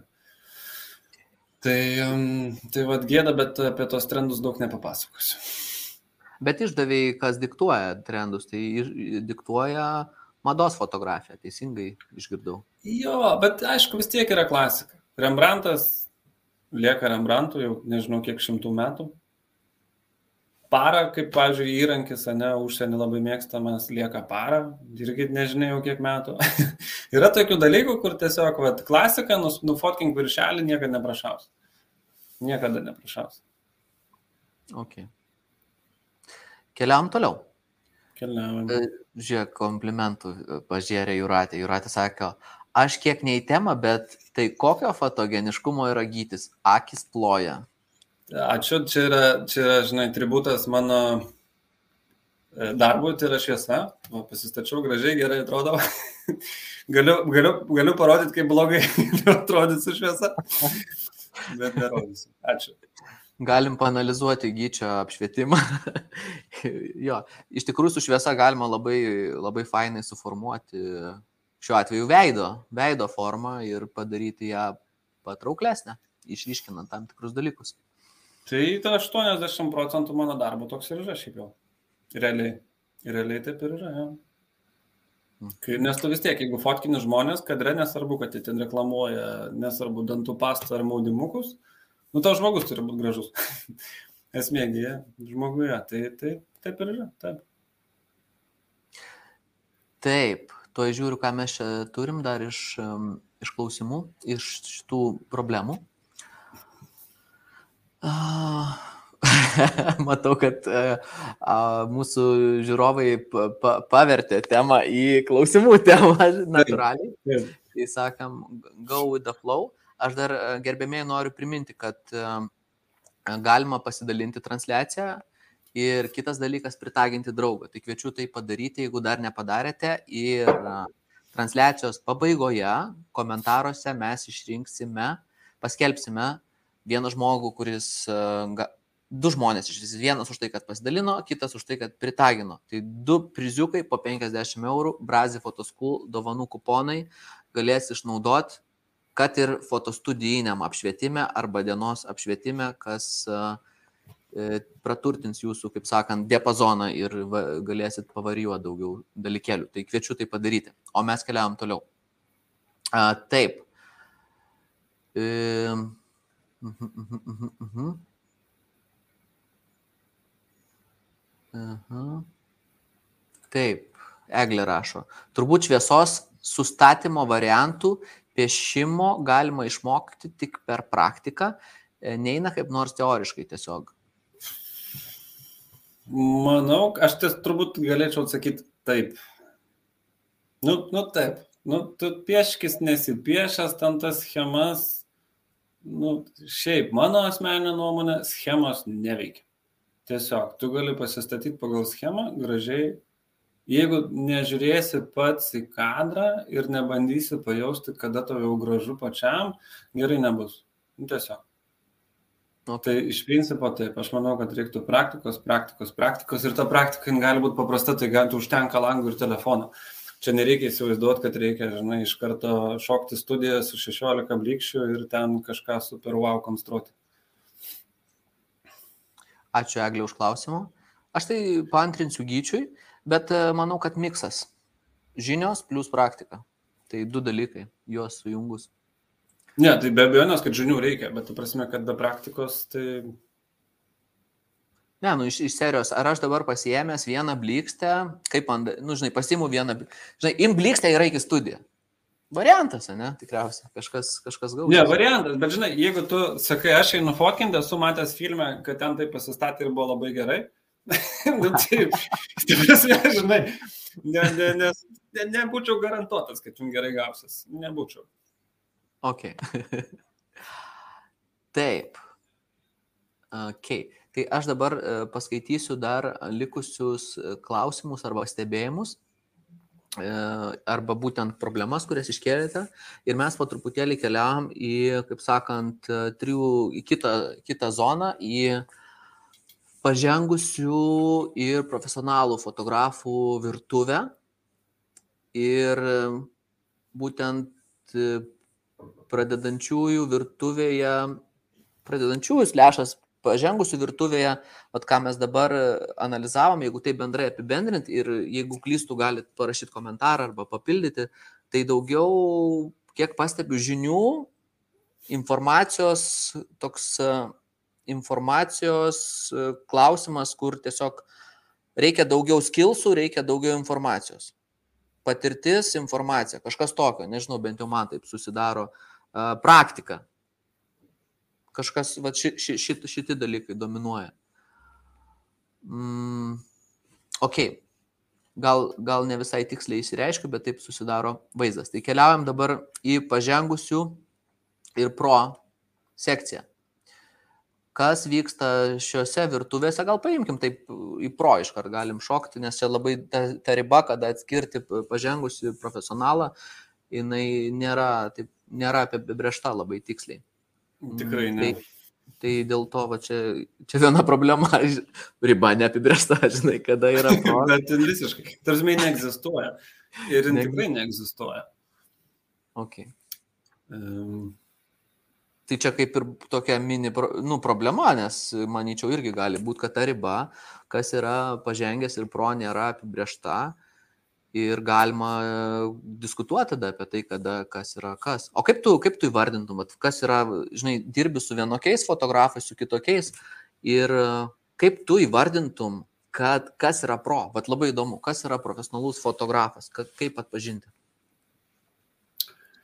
Tai žinai, aš tai žmogaus profesionalumą gal matuočiau tik tais jo žinių bagažų šitoj srityje ir galbūt ant kiek jis yra imlus tom žiniom nes gal yra žmonių, kurie senokai fotkina ir vis dar tai daro paprastuoju būdu, grubiai išnekant, žinai. O yra labai gal jaunų ir fantastiškai gabių žmonių, kurie labai fantastiškai greitai įsisavina informaciją. Ir labai greit pagauna, kas yra šviesa, žinai, kaip su to fotiku dirbti, kur yra jo, jo ribos, žinai, kuri studija ten kokie, su kokiais niuansais. Tai, tai, tai gal aš pagal tai vertinčiau, bet apskritai apie tą ribą aš negant, tai Jeigu yra, nes tikrai aš susiduriu su visom sferom, tai uh, būna žmonių, būna turiu klientų, kurie galbūt uh, pasitaiko iš tikrųjų neretai, nu nepavadinčiau šių profesionalais, bet susirenkam gerą komandą ir viskas tarkoja. Ta prasme, viskas puikiai, mes galim padaryti tikrai fantastinių darbų kartu, žinai. Ta prasme, prasukam kažkokią didelę reklamą, kur ten net neaišku, kaip jin gal papuolė į tas rankas, bet ir viskas puikiai gaunasi. Jeigu komanda yra stipri, viskas puikiai gaunasi. Jeigu komanda yra silpna, nu, tai tada, tada būna sudėtingos fotosesijos. tada būna sudėtinga. Bet iš principo, žinai, paties fotografo profesionalumas, jis net nestebuklingai ne, ne lošia. Jeigu, jis, jeigu jisai žmogus yra komunikuojantis, nu, tai viskas tarkoja, tu išsisuksi. Komunikuodamas tu visada išsisuksi iš visų situacijų. Aš, aš okay. manau, kad taip, žinai. Tai ką girdžiu, tai toks uh, komandos surinkimas ir suvaldymas ir, ir komunikacija. Mm, taip, taip, čia yra tie du dalykai, kuriuos aš labiausiai ir akcentuoju, iš tikrųjų. Taip, okay. taip. Tai čia nais net jau šitoj uh, zonai ne, ne, ne, nelieka tiek daug, kokį fotoaparatą išsirinkti, žinai. Ne, šiaip tai, va čia gera, gera tema, žinai, iš tikrųjų nelieka, nes, nu, tai nėra taip jau svarbu. Bet jeigu pas tave yra, žinai, prastesnis, senesnis fotoaparatas, nu, nenoriu nieko žaisti, bet, žinai, ten koks Kenas 5D Mark III, su ten kokiu nors senesniu, tuo pačiu 51.8, žinai. Net, tai aš, aš tiesą pasakius visada, kai atsiranda kažkokie nauji klientai ir jau derinamės dėl projektų ir, nu, akivaizdu, kad aš prie dirbsiu, mano pirmas klausimas būna, koks fotoaparatas. Nes aš pagal tai orientuojas, kiek reikės šviesos, kokie kontrastai, kiek man užpildyti reikės. Žinai, čia man jau svarbu yra. Ir jeigu tai yra, sakykime, va, nu, tas paminėtas mano kenas, aš jau žinau, kad fotosesija bus ilgesnė, nes mes turėsim tikrintis, ar, ar yra fokusas. tas užtrunka. Nu, ta prasme, žinai, tai, tai čia vienas niuansas, pats fotoaparatas. Jeigu ten, žinai, neturim biudžeto technikai ir, ir fotkinam su mažiau technikos arba su prastesne, kokiai nors kvailoje lokacijai, nu tai, žinai, viskas ir susidėlioja iš tokių smulkmenų. Tai vad, jeigu tų smulkmenų, kurios yra kažko nekokybiškos yra daug, nu, tai bus sunku, žinai. Jeigu tai yra vienas smulkmena, kaip fotoaparatas, nu, tai atsakai, žinai, tai bus lengviau. Ta prasme, jau kažkas ne taip, bet bus dar viskas nieko. Nu, tai tu stengiasi visada, žinai, visada faina dirbti, kai viskas yra tobulą. Kai yra daug technikos, kai yra ten geros blikstės, jų yra daug, yra naujas fotoaparatas, yra puikus kompas, kuris nelagina, į kurį fotkina, žinai. Yra, ten nėra problemos, yra asistentų pakankamai, žinai, yra nu, viskas pragalvota, žinai. Gyti dar aš pastebėjau, kad praleidau Jėvos klausimą, bet man, galbūt čia mums tiks į visą jau šitą profesionalų pusę. Didžiausios problemos nepatenkinti klientai, kurie pasirenka fotografą dėl to, kad pigu, bet nepažiūri darbų, stiliaus ir panašiai. Kita problema, manau, visiems pradedantiesiems aktuali fotograf, fotografu būti brangu, bet čia jau nelabai kaip išspręsim, taip jau yra. Tai palieskim gyti pirmą klausimą. Didžiausia problema - nepatenkini klientai, kurie pasirenka fotografą dėl to, kad pigu, bet, ne, bet nepažiūri darbų, stiliaus ir panašiai. Manau, kad foto, e, profesionalų e, gyvenime irgi taip atsitinka kartais. Gal rečiau? Mm. Gal ne mano sfera, žinai. Pas mane viskas būna su briefais. Kur aš dirbu, yra briefas. Yra briefas, tu nefotkini kaip tu nori arba kaip tau patinka. Tu fotkini taip, kaip reikia. Tai mhm. realiai tavo stilius, nu, jis nėra tiek svarbus. Ta prasme, tu arba esi įgalus ir pakankamai kompetitingas fotografuoti pagal briefą arba ne. Vienas iš dviejų. Bet man tai žinai, koks klausimas, didžiausias problemas nepatenkinti klientai, kurie pasirenka fotografiją dėl to, kad pigu. Tai jau aš nelabai suprantu, Ar problema, kad fotografai, pas, e, kad klientai pasirenka tave, nes pigu ir po to nepatenkinti? Ar problema, kad pasirenka kažką kitą, nes pigu vietoj tavęs? Ne, nes jeigu tai renkasi... Aš nu, suprantu, žinau, kad Jėva, aš suprantu, kad Jėva, nes būna, čia tikrai, nu bent jau aš taip supratau, nes čia asmenis e, tas skaudulys greičiausiai, nes kartais, na aš ir kartais girdžiu iš studentų, kad klientas pasirinko mane ir sako, O tai gali padaryti, kaip kažkas kitas daro. Bet man labai patinka ten koks profas, žinai, bet, bet aš jo, nu, neįperku, tai tu padaryk, vat, kaip jisai daro už ten keturis ar penkis kartus mažesnę kainą. Ir tada būna nepatenkinti. Nes tai ne, nebūna tas, ko jie norėjo. Nu, ta prasme, iš esmės lūkesčiai penkis kartus didesni, lyginant su kaina. Tai čia problema. Ja, bet žinai, va čia tai nuo ko ir pradėjom iš viso, visą dienos pokalbį kur aš sakiau, kad žmonės neišsikomunikuoja ir galbūt nežino savo galimybių. Tai, žinai, tu turi du atsakymo variantus. Tu sakai, arba galiu ir tai padarai ir tada klientas laimingas. Arba tu sakai, mm, žinau, kad negaliu, bet galiu kitaip ir bus labai gerai, žinai. Ir padarai taip. Ir būna gerai. Arba sakai tiesiog ne, sorry, Hebra, bet nu nepatrauksim tokio projekto, nes čia reikia, žinai, kažkokių kitokių resursų. Ir viskas, tai čia viskas vėl remiasi į tą pačią komunikaciją. Bet jeigu tu sakai, jo padarysim ir, mm, ne, ne, ir čia, žinok, labai dažnas atvejis būtent pas mus Lietuvoje, kai man kažkas pasako, žinai, žinai, darysim šiandien va taip, va, parodo man nuotrauką ir aš matau, kad ta nuotrauka yra, sakykime, nu, pavyzdys geras portretas nufotkintas su bronkolor para. Žinai, toks paprastas, fainas aksesuaras. Ir aš sakau, Hebra, mes nu, padarysim panašiai, bet taip mes niekaip nepadarysim. Kodėl? Todėl, kad tai yra aksesuaras skirtas fotkinti portretam, kuris kainuoja kaip geras automobilis ir mes jo neturim. ir šitą prasme, jis tik portretam ir jį perka tik tais tam ir nu, tu negali jo atkartot kažko kitu. Nu tiesiog, taip yra. Ir, um, ir tada aišku, kad nesigauna taip. Ir kažkas lieka biškiai apgautas. Tai žinai, tai, tai reiktų žinoti savo galimybės. Okay. Tai reiškia... O šiaip tai jie, jeigu yra klientai, kurie pasirenka kažką kitą, nes, nes pigu, tai, tai viskas gerai. Tai nesugalvos, to nereikia tokių klientų. Čia iš kitos pusės žiūrint, jeigu vietoj jūsų pasirenka kitą, nes yra pigu, tai tie žmonės renkasi tai, kas yra pigu tiesiog, o ne tai, ko jam reikia galbūt, ne? Taip, taip, taip. Ir tada kitas klausimas, aš supratau, visiems pradedantiesiems aktualu fotografu būti brangu. Ok, problema, kad foto, fotografu būti brangu. Reiškia, aš čia teisingai suprantu, kad fototechnika brangiai kainuoja ir e, tobulėjimas brangiai kainuoja. Nu, nežinau, arba fototechnika tik brangiai kainuoja. Čia teisingai. Nu viskas brangiai kainuoja. Tikrai. Tikrai, tiek tu šiam momentui esi apsistatęs techniką, kuri kainuoja daug, tiek aš, kai aš net ne fotografas techniškai, žinai. Ta prasme, ta technika, nu, brangi, jin brangi. Tikrai. Taip, Okay. taip, taip, taip yra.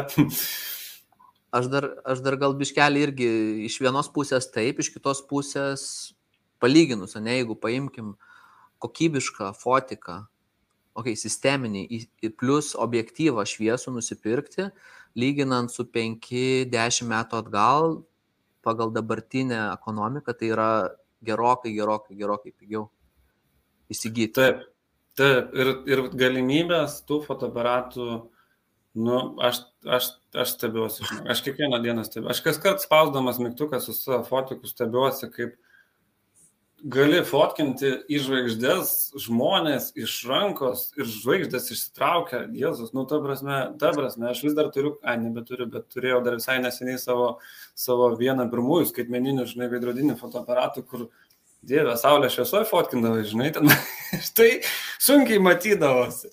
O dabar mėnulio šviesoje fotkini ir kokybiškai išsitraukia. Tai yra, nu, nerealu, nerealu, nerealu, tikrai nerealu. Ok, keliavam toliau tada. Mm. Man tas grimas, čia dar toks e, klausimas. Sako, kur darbų pažiūrėti galima. Gyti, turi portfolio? Ne, portfolio neturiu, nes kažkaip nelabai turiu poreikio laikyti. Šiaip nuėjus į mano Instagramą ir žiūrint ne į mano darytas nuotraukas, bet ten, kur aš esu užtagintas, tai ten yra visa krūva, turbūt daugiausiai žurnalų, nes reklamoje niekas niekada netagina, bet kažkiek ten kažko pamatyti galim.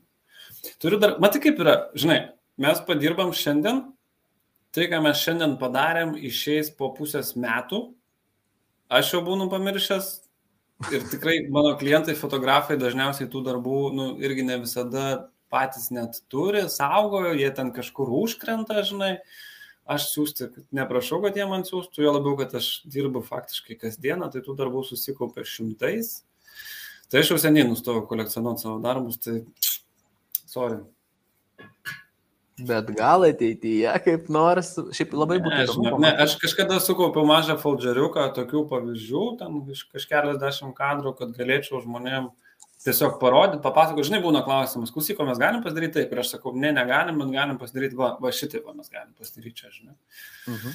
Tai aš turiu tokį foldžeriuką, pavadinimu School, mokyklėlę, kur ten viskas e, palyginus fain ir paprasta. Tai jo, turiu tokį, bet nedidelį, bet jis kažkur ten giliai pas mane paslėptas. Bet ne, portfolio aš iš tikrųjų nelaikau, nes, nes kažkaip nėra poreikio. Ok. Um, taip, labai geras klausimas.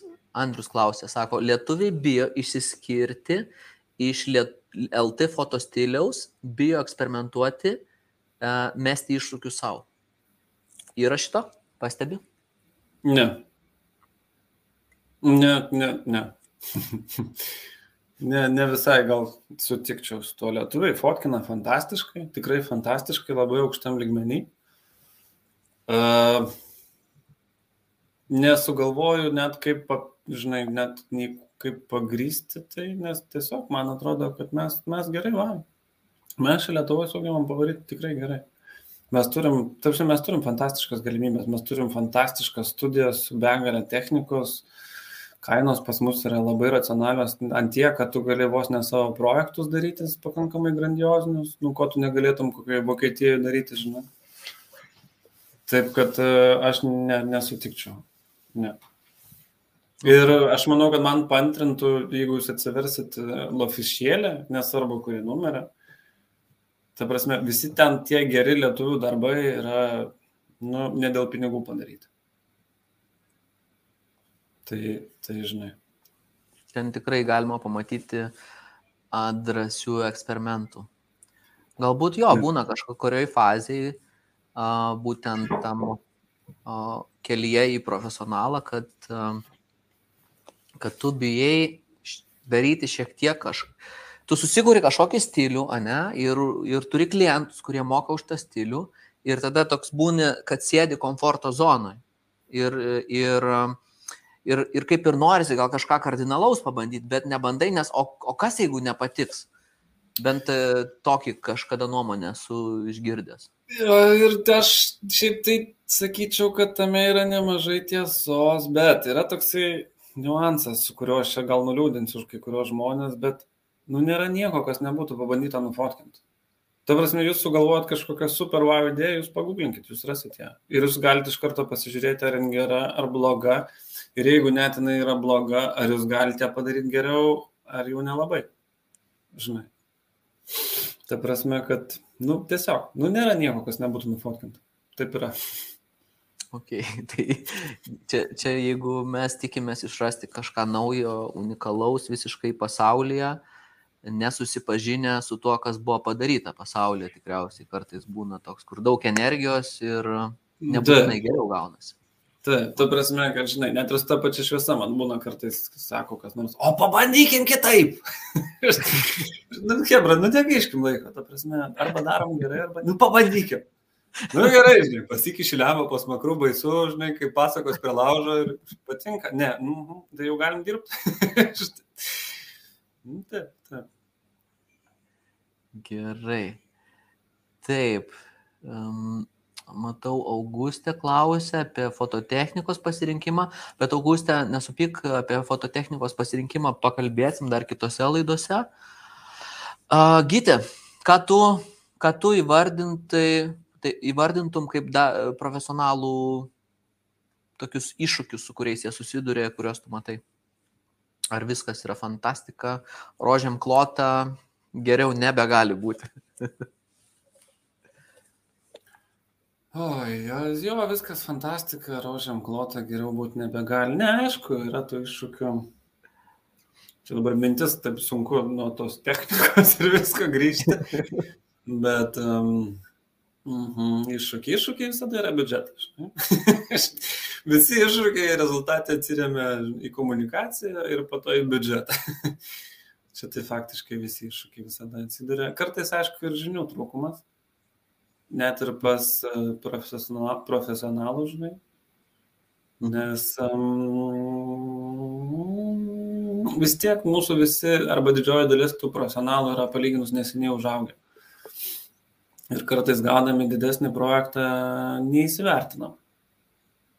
Neįsivertinam, kokio jis yra dydžio, e, kiek mums reiktų laiko, komandos narių, technikos, galų galia pinigų šitam projektui įgyvendinti. Čia šitas toks dažnas dalykas. Ir neretai Ir čia, žinai, čia, čia lasda, kuri turi du galus. Dalis klientų bijo imtis didesnio projekto, nes nu, bijo, kad nepat, nu, tiesiog nepatrauksiu niekaip, nes jis tiesiog per didelis. Šiandien neaišku, wow, žinai, čia šimtas kadrų, čia fotkin, nežinia kiek, nežinia kiek kainuos čia, wow. o kiti daro atvirkščiai, sako, o, čia, žinai, kaž, čia kažkokia didelė pinigų sumas, čia kodėl čia kiek pinigų, jo, net nesidara, imsim, darysim, žinai. Ateina su savo to mažiuku krepšiuku, žinai, ten fotikas nu, speedlightas. Ir tada supranta, kad, aha, gal reikėjo čia kažko daugiau, žinai. Klientui nelabai patinka į ekranėlį jūsų žiūrėti, nu, nes ir pačiam nelabai aišku, tenais ryškų, neryškų, kad reikėjo kompą atsinešti. tai čia ta lasda su dviem galais tokiais. Ok, tai toks, to, tos um, kartais reiškia pastebi, kad um, kadangi fotografai jauni, dar, dar mažai, mažai patyrė tos profesionalios virtuvės tokios, kur kaip, ir kaip tenais toj profesionalioj e, virtuviai viską daryti yra patogu. Nu, ko reikia, kad būtų patogu tiek tam profesionalui, tiek e, klientui. Jo, reikia čia tokių labai daug niuansų, kur reikia suprasti, kas yra tavo komfortas, kiek jis kainuoja ir ką jis reiškia, žinai. Tai, kad tu... Pas mus yra tokių daug keistų, labai keistų išsigimimo, gal reiktų pasakyti. Žinai, pas mus žmonės įsivaizduoja, jeigu tau moka daug pinigų, tu turi aikšteliai bėgioti. Bėgioti kaip išprotėjęs, rodyti klientui, kad tu čia dirbi, wow, nes tai kaip lemba, čia didelė fotosesija, čia reikia, žinai, uh, kaip atidirbti. Ir tu pavargsti. Ir nu, tiesiog pradedi blogai fotkinti, nes tu pavargęs, tu nebežiūri, tu pozų tau jau nusispjaut, kaip ten tie modeliai stovi, žinai, ir kaip, kad jų grimos nubėgęs, ar ten, kad šviesa yra ne vietoje. Nu, nesvarbu, žinai, čia daug dalykų, nes tu pavargsti, nes tu čia nesveikai atbėgioji, žinai. Tai pas mus nėra to suvokimo, kad ta profesionali aikštelė, pas mus ne tai, kad nėra to suvokimo, bet, sakykime, toks daž, dažnas dalykas, kad tikrai visi įsivaizduoja, kad čia turim daryti viską kaip išprotėję, nes čia rimtas projektas. Žinai. Nu, taip nėra, ne, rimtas projektas, tai kuris yra gerai sustiguotas ir kaip tik niekas nebėgioja, nes visi žino, kas ką turi padaryti, visi ateina pasiruošę, žinai, ir visi padaro savo darbą ir padaro jį puikiai. Tai pas mus šito nėra, pas mus nėra, žinai, suvokimo, neretai, neretai neišsikomunikuoja su pačiu klientu, ne tik, kad poreikio kliento nesupranta, bet galbūt nepajaučia kliento kokybinės kartelės. Nes čia irgi toks svarbus niuansas. Kartais, kartais mes perlenkinėjom smarkiai, žinai, apsistatom lempam už ten, nežinau, kiek milijonų, čia pasirodo Instagramui fotkinam. žinai, kur tipo, mm, tai gal galėjom ir paprasčiau, nes šiam 2 megapikselių reikia. Kadrą, žinai. O, o kartais atvirkščiai, žinai, kartais, ai, tu čia be grimo padarysim. o paaiškėjo, kad čia bus, žinai, audorai, 8 metrų dydžio, žinai, nuotraukos, stambus portretai ir tai gal reikėjo to grimo tada, tik sakai. Mhm. Tai, tai, ne, tai va šito neišsikomunikuojam kažkaip. Ne tai, kad net neišsikomunikuojam, nepajaučiam. Nepajaučiam paties kliento, žinai. Susi, susiplanuojam laiką blogai, čia irgi toks dažnas variantas yra. Dažna, daž, nu, tikrai, tikrai dažna problema. Aš manau, kad tu ten studijoje būdamas labai puikiai žinai, kaip dažnai klientai nesugeba išėti laiku. Kai kurie. Tai, va, taip, tai va, tai čia yra labai geras pavyzdys, kad žmonės nesusistiguoja to laiko teisingai, žinai. Nesusi, nu, ne, bet neįsivertina teisingai. Aš e, tokį gytį esu girdėjęs iš e, fotografų, sako, mm, aš dvigubai greičiau padariau, negu kažkas ten padarė Mhm, projektą. Kad e, tai aš suprantu, nu, va tas, kad dvigubai greičiau padariau. Tai čia tas dvigubai greičiau, aš suprantu, va ką tu sakei, nebūtinai yra, kad tas greitis yra gerai. Ar, nu, Ne, gali. greitis niekada nėra gerai. Ne, man labai patinka, kaip vokiečiai dirba. Jie yra susistigavę, jie viskam pasilieka fantastiškai daug atsargos ir jie labai tiksliai išpildo tą laiką. Ir labai gal net toks neblogas pavyzdys, čia prieš mane dabar stovi trys lempos.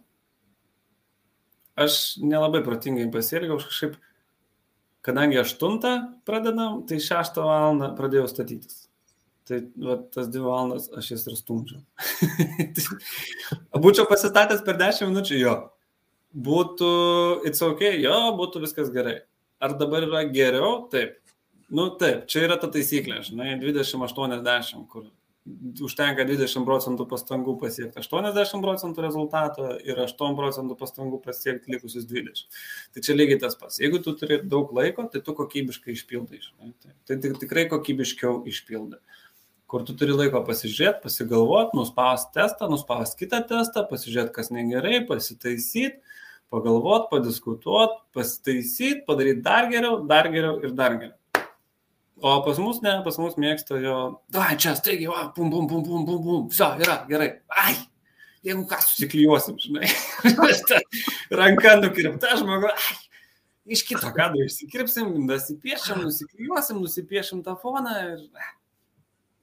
Okay. Tai, jo, jo, yra pas mus tokių. tokių Čia gal viskas atsimuša net į tą, nu realiai, finansus gal atsimuša, ne, kad e, atrodo, kad uh, užsakovas negali mokėti ir tada aš turiu taupyti viską, aš turiu padaryti dvigubai greičiau, aš turiu įsinuomoti pigesnę įrangą, pigesnę studiją, nesamdyti galbūt kažkokio žmogaus, kuris padarytų visą projektą, galbūt čia tas uh, tiesiog rinkoje nėra pinigų.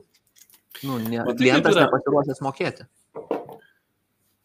E, Ta prasme, čia yra tikrai problemos dalis, bet aš ant savęs šitą labiausiai jaučiu. Kai tu turi daug tokių klientų, kurie vis tave spaudžia finansiškai, tu įpranti taip dirbti. Ir po to, kai tu turi biudžetą, tu vis tiek iš įpročio skubi, tu vis tiek iš įpročio nepasiemi Mes labai mėgstam, va čia irgi toks labai biški lietuviškas niuansas, mes mėgstam nepasimti atsargos. Mes mėgstam ne, nepasimti atsargos tam pačiam laikė, toj pačioj technikoje. Aš pažįstu, žinau, fotografų, kurie keliauja į fotosesiją, reklamos fotosesiją su vienu fotoaparatu. Jeigu jis suges, tu prasme, ką darysi? Nu, ką darysi? tai mes mėgstam, nu, nebūti atsargus. Ir mes įprantam, ir tai yra blogai. Iš tikrųjų tai yra blogai, nes, nu taip, yra tų projektų, kažkaip kažką padarom, gerai padarėm. Bet jeigu yra projektas, kur yra biudžeto, kur galim sauliaisti, padaryti kokybiškai, nu tai reiktų grįžti į tą įprotį daryti kokybiškai. Žinai. Reiktų grįžti į tą įprotį, nesidėrėti ten. Manau, kad irgi, žinai, kai būna, kai deras iki paskutiniųjų iš įpročio, žinai, nesidėrėti, pasimti ten daugiau laiko, pasimti daugiau technikos ir pasidaryti tikrai kokybiškai. Ir taip, galbūt tu nepadarysi daug geriau negu buvo, bet tu bent jau būsi ramus. Nes kitas iki, kai darai viską paskubom ir tau nusproksta lempa, fotikas, kompas, hardas, nu galas žino kas, ir viskas nueina po velnių. Oi, kokios skaudžios tos pamokos būna. O, Jėzus, kokios skaudžios. Esi matęs iš arti, ką nuodo kada nors. Jo, jo, pasitaiko ir praktika mano, nu, mano praktika labai ilga, bet mano praktika yra pasitaikę, ne, ne, ne, netgi, netgi su, nu, bet mes ten tik dalyvavom taip, kad fotografavom, bet uh, Hebra filmavo reklamą visą savaitę, visi užsieniečiai, net visi aktoriai buvo užsieniečiai, komanda buvo ten keli šimtai žmonių, jie ten buvo visko prisivežę ir jiems kažkur dingo medžiaga. Ir jie perfilmavo visą reklamą. Ta prasme, nu, čia jau kalbam apie ne, ne, ne, ne vieną dešimtį tūkstančių, o apie šimtus tūkstančių eurų, kuriuos kažkas turėjo sumokėti. Nu, šituo atveju draudimas. Ko mes reklamai, fotografijos reklamai nedarom dažniausiai, bet filmavimuose tai draudžiasi. bet, bet, nu, tai žinai. Tai, tai lygiai taip pat, kad tu išvažiuoji į fotosesiją, nu, rimtą fotosesiją, sakykime, į reklaminę fotosesiją su vienu fotu, kuris tau nusproksta nu, tau tai kainuos brangiau negu vežtis du fotoaparatus. Be klausimų. Visada. Bet mes tai darom. Kaip sakant, step by step. Tikriausiai. Nu, net nebejoju, kad e, step by step, nes po truputėlį, vat, kaip ir Simona, vat, ačiū Simona už komentarą, sako, tikrai labai dažnai atsiriamia į finansus, užsakymas, pinigų yra, ne visada klientai nori mokėti. Va čia labai įdomus pasakymas. Pinigų yra, bet klientai nenori mokėti. Tai reiškia, klientai nemato, už ką tada mokėti. Nu, ne, arba nesupranta, už ką reikia mokėti, kad gauti tai, ką, ką jam reikia gauti, kad pasiekti rezultatą. Tai... Aš taip, taip, ta prasme, tai, ką jinai pasakė, aš manau, kad tai yra visiška tiesa. Tikrai yra pinigų, tikrai klientai turi pinigų, yra klientų, kurie yra fantastiškai mokus ir mes kažkaip per tą karantiną, kai galvojom, kad visi bankrutuosim, iš tikrųjų atvirkščiai mes pradėjom dirbti daugiau, rimčiau, brangiau ir aukštesniam lygiai. Bet um, jo, ne visada, tai čia, žinai, vėl, vėl toks akmuo į dalį mano gal klientų, kurie yra fotografai, darža tai, kad jie nes, ne, neparduoda. Neparduoda ne, nesugeba iš, iš, iš, iškomunikuoti. Ir, ir aš irgi, aš nemažai užklausiu, tu už, užsulaukiu tų užklausų, žinai, klausyk, mes čia va, turim čia tokį projektą ir tu supranti, kad projektas labai rimtas, bet, nu, aš nežinau, kaip čia klientui tą parduoti, ar dirbsi ten, žinai, už labai pigiai. Nu, nu, vad labai reiktų. Žinai. Net nepasiūlė dar, ne, jau siūlo už pigiai. Jo, ne, bet aš, tarsi, ir aš suprantu, suprantu iš tikrųjų visas šias pusės, bet, nu, toksai būna, kur, Tai, Hebra, jūs čia turite tikrai didelį projektą, tam projekte tikrai yra biudžeto ir yra biudžeto viskam, tiesiog tu žmogau nesugebė paaiškinti klientui, kas aš toks ir ką manęs reikia aikšteliai, dėl to ten galbūt nusibraukinėjai iš savo honoraro ir nori, kad aš dirbčiau pigiai, žinai. Tai čia va toks, toks lietuviškas, lietuviškas bairis, toks, nu, jis dažnai pasitaiko. Ir aš, nu, trusme, tas klientas jisai galėtų sumokėti ir man pilną honorarą ten nesidėrėdamas be jokių problemų, tiesiog kažkas kažkurioje vietoje neparduoda. Tiesiog. Tai čia, jo, čia dažnas atvejis. Ir, ir tas, nu, atvejis čia, čia jis visur, nu, ne, ne tik man, žinai, ten grimeris galbūt per brangus, arba stiliui, kartais žmonės neįsivertina, kiek pinigų reikia stiliui. Kur ten tikrai kartais nerealios sumos gyvūna. Tai jau. Ok. Tai jo, ypač tikriausiai gal apmaudžiausi tie momentai, kur dar, nu, ne apmaudžiausi, bet tokie, kur paprasčiausiai sprendžiami, kur net klientui nėra pasiūloma a, tai už tą realią kainą, kur tu dar nežinai, ką, ką klientas atsakys, tu dar net, tu nenori to pasiūlyti. Tai... Nes tau atrodo, tau, tau pačiam, tu nesijauti vertas tiek, supranti? Tu nesijauti, tu niekad klientui nesakai, šita fotosesija, nu, čia didelė, kainuos 10 tūkstančių. Tu niekad tiek nesakai, žinai. nu, ten susiskaičiavęs viską, žinai, bet niekad tokios sumos nesakai. Ir tu pats jautiesi blogai ir tu pats jau susim dėriesi, žinai. Ir jau tada tą sumą ten nusideri su visais, prisuki kiek gali, pasakai, tada dar klientas derasi su tavim. Ir gaunasi, kad tu lieki be pinigų, jau tada supranti, kad to projekto net negali įgyveninti už tą sumą. Ir toks, iš tikrųjų, taip pat savo kapą išsikasi iš šitą vietą. Bet jo, čia yra dažna problema pas mus rinkoje. Taip, taip, taip, taip. Ok, tai ką tu paminėjai, toks irgi labai gana svarbus dalykas ir stiprus, tai tada savivertė, ne, atsimuša į savivertę, kad aš nesu vertas tiek, kiek tai kainuoja, ne? Taip. Šitas įdomu. Ne tai, kad aš, tu, tu vis tiek, žinai, tu sakai tą galutinę sumą klientui, ne? Ten, mhm. tu man dabar pasakytum, gyti, va, reikia, va, tau nuotrauką, reikia padaryti tokį projektą. Ir aš tu sakyčiau, gerai, Tomai, žiūrėk, čia kainuos 12 tūkstančių. Tu akis išpūstum, nu, tu prasme, ir man pačiam sunku pasakyti 12 tūkstančių, dieve, nu, neištruks jis tiek pinigų, žinai. Nu, jo, gal padarysiu aš čia kaip nors pigiau, pasistudija yra lempų, jo, gal tom pasinaudos čia. Ir ten pats su savim susideri, nusideri, taip toliau. Ir po to aš to pasakau keturi, Tu sakai, ne, ne, ne, tiek nerasim, davai du. ir aš suprantu, kad už du tai niekaip. Ir aš tada arba darau labai nekokybiškai, arba tada pats jau ten, žinai, keičiu tą briefą, tyliai, ramiai, ten išmetinėjau kažką, žinai, arba iš vis atsisakau projektą. Nes nepasakiau to 12. Okay. Ir žinai, dar kai pasakai visą tą sumą tiesiog, kad kainuos tiek, tai, žinai, gali atrodyti, kad fotografas tiek kainuos, bet kai tu įvardini kiekvieną, žinai, dalį, kiek kas, kas ką darys ir kiek kainuos, tada sus, pamatai, iš ko susideda bendras vaizdas. Tai, taip, taip, taip. taip. Irgi, ir nu, čia, čia ultra komunikacija, čia reikia parduoti, reikia mokėti parduoti. Aš, pažiūrėjau, to nemoku, aš tai tikrai tą puikiai žinau, aš nemoku parduoti. Man yra paprašiau sakyti, ne, ne, žinokit, Hebra, jums čia reikia paprastai, žiūrėkit, pasinaudokit langų, pasinaudokit tą blykstę ir geros fotosesijos manęs jums nereikia. Negu sakyti, jo, nėra problemų, štai mano honoraras, aš ateisiu, pažiūrėsiu ten taip iš nugaros. Pa, gerai, jo, tas langas labai gerai šviečia. Mhm, ja. Man paprašiau yra tai. Ok. Uh, aš jau matau, mūsų laikas persirito virš valandos. Tai iš karto noriu spėti, kad jau judame pabaigą, gyti ir, ir tave, ir a, žiūrovus. A, kviečiu, aš matau, kad taip, gal pasidalinsiu keletą komentarų, bet nekeliaukime į detalesnės atsakymus šį kartą. Eglė sako, būtų labai įdomu tiesiog pastebėti iš šono tokį projektą, kur didelė komanda dirba ir kaip viskas vyksta. O, mm, o outsiderių nepriemat kartais į fotosesiją. Tai vat. Um, ne. Ne, tiesiog. Stebėtų nieko asmeniško, bet ne, ne, ne tiesiog. Ne. Um, -hmm, taip. Simona dar rašo, sako, dažniausiai nesupranta ir aš stengiuosi juos šviesti šiuo klausimu.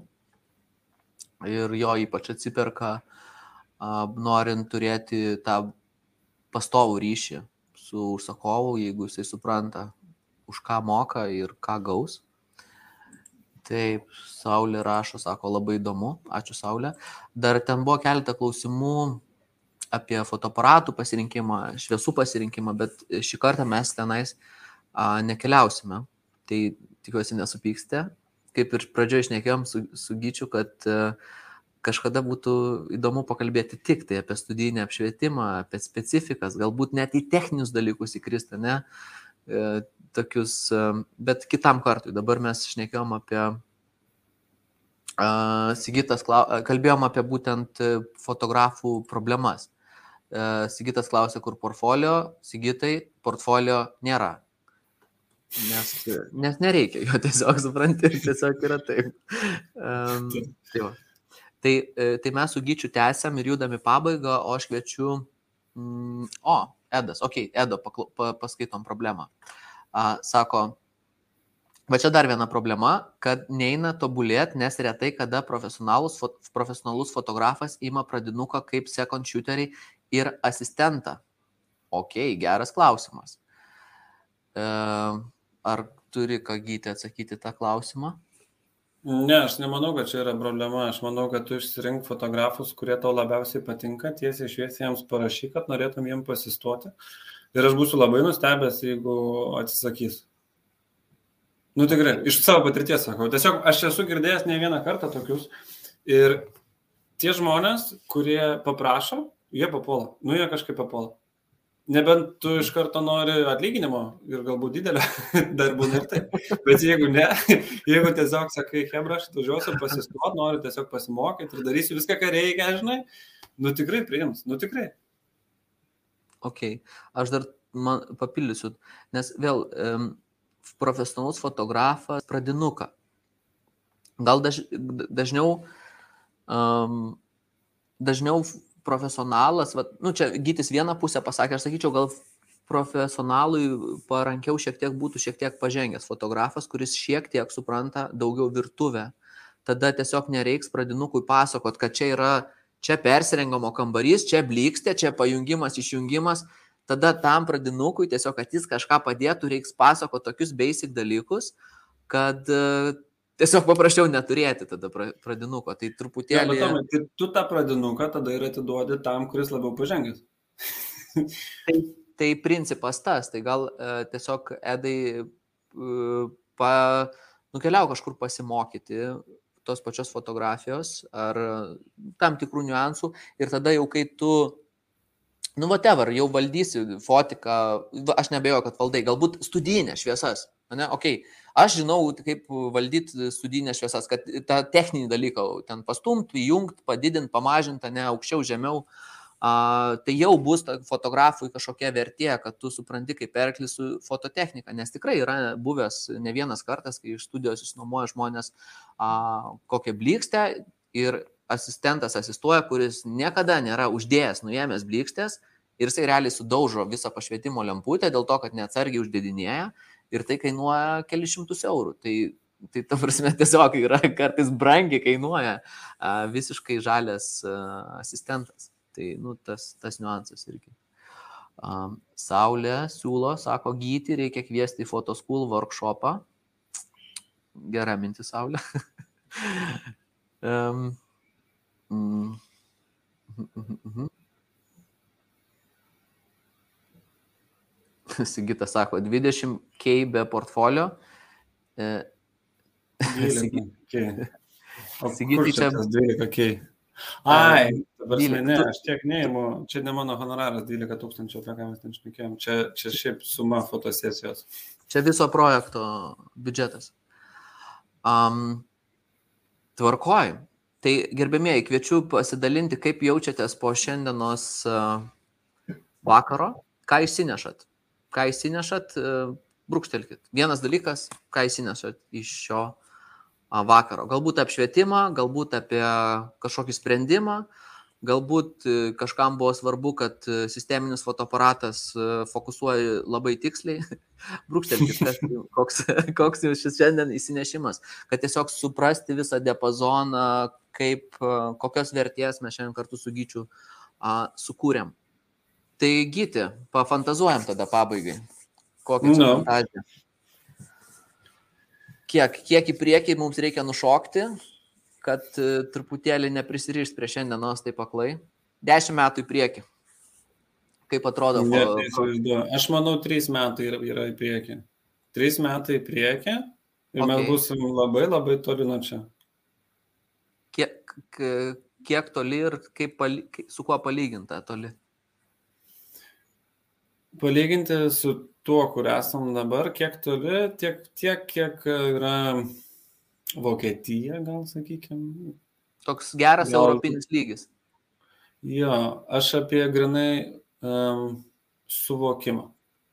Ne apie techninę bazę. Techninę bazę mes turim fantastiškai ir dabar. Aš grinai apie suvokimą, apie uh, klientų suvokimą, apie pačių, žinai, komandos, nu negaliu sakyti fotografų, nes fotografas yra komandos dalis, bet visos komandos suvokimą apie darbo kultūrą ir visą kitą, aš manau, kad po trijų metų mes busim labai toli nuo čia.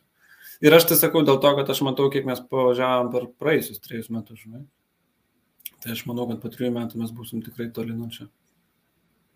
Super skamba iš tikrųjų labai optimistiškai ir aš, aš net nebejoju, kad, kad, kad Lietuvos būtent fotografijos ar būt gal bendrai paėmus kūrybinės industrijos lygis, mąstymas, ne, bus būtent tokios, tokio, nežinau, toks laisvas mąstymas, laisvas ir profesionalus mąstymas, kuris leidžia E, dirbti su dideliais e, projektais, su dideliais biudžetais ir su, su kaip sakant, daryti pasaulinio lygio projektus.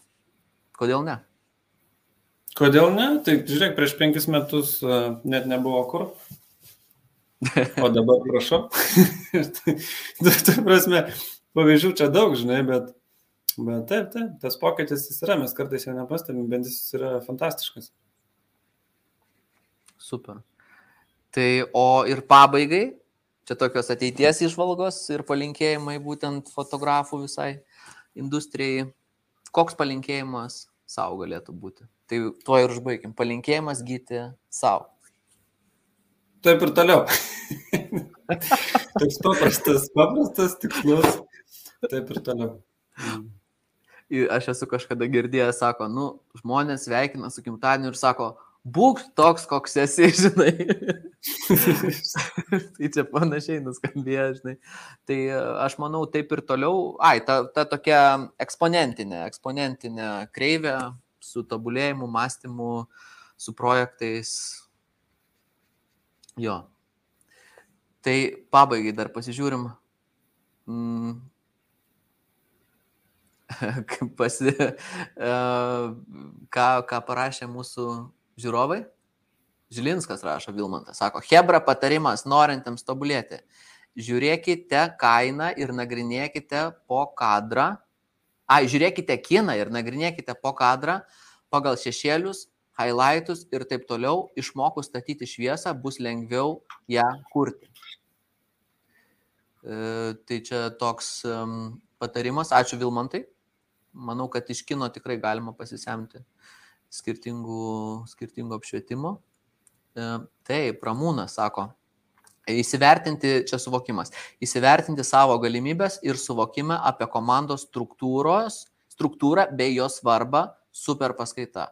Ramūnai, labai labai labai smagu, kad būtent tai įsineši, e, kad e, fotoaparatas netiek svarbus būtent šitam profesionaliam lygmenį, kiek komanda ir jos valdymas ir kaip Gytis minėjo, komunikacija. Taip, taip, Kristina rašo dar. Ačiū, Kristina. Viskas tikrai uh, įdomu buvo. Labiausiai įstrigo smulkmena apie sisteminius. Iš savo komforto zonos reikia išlysti. Super.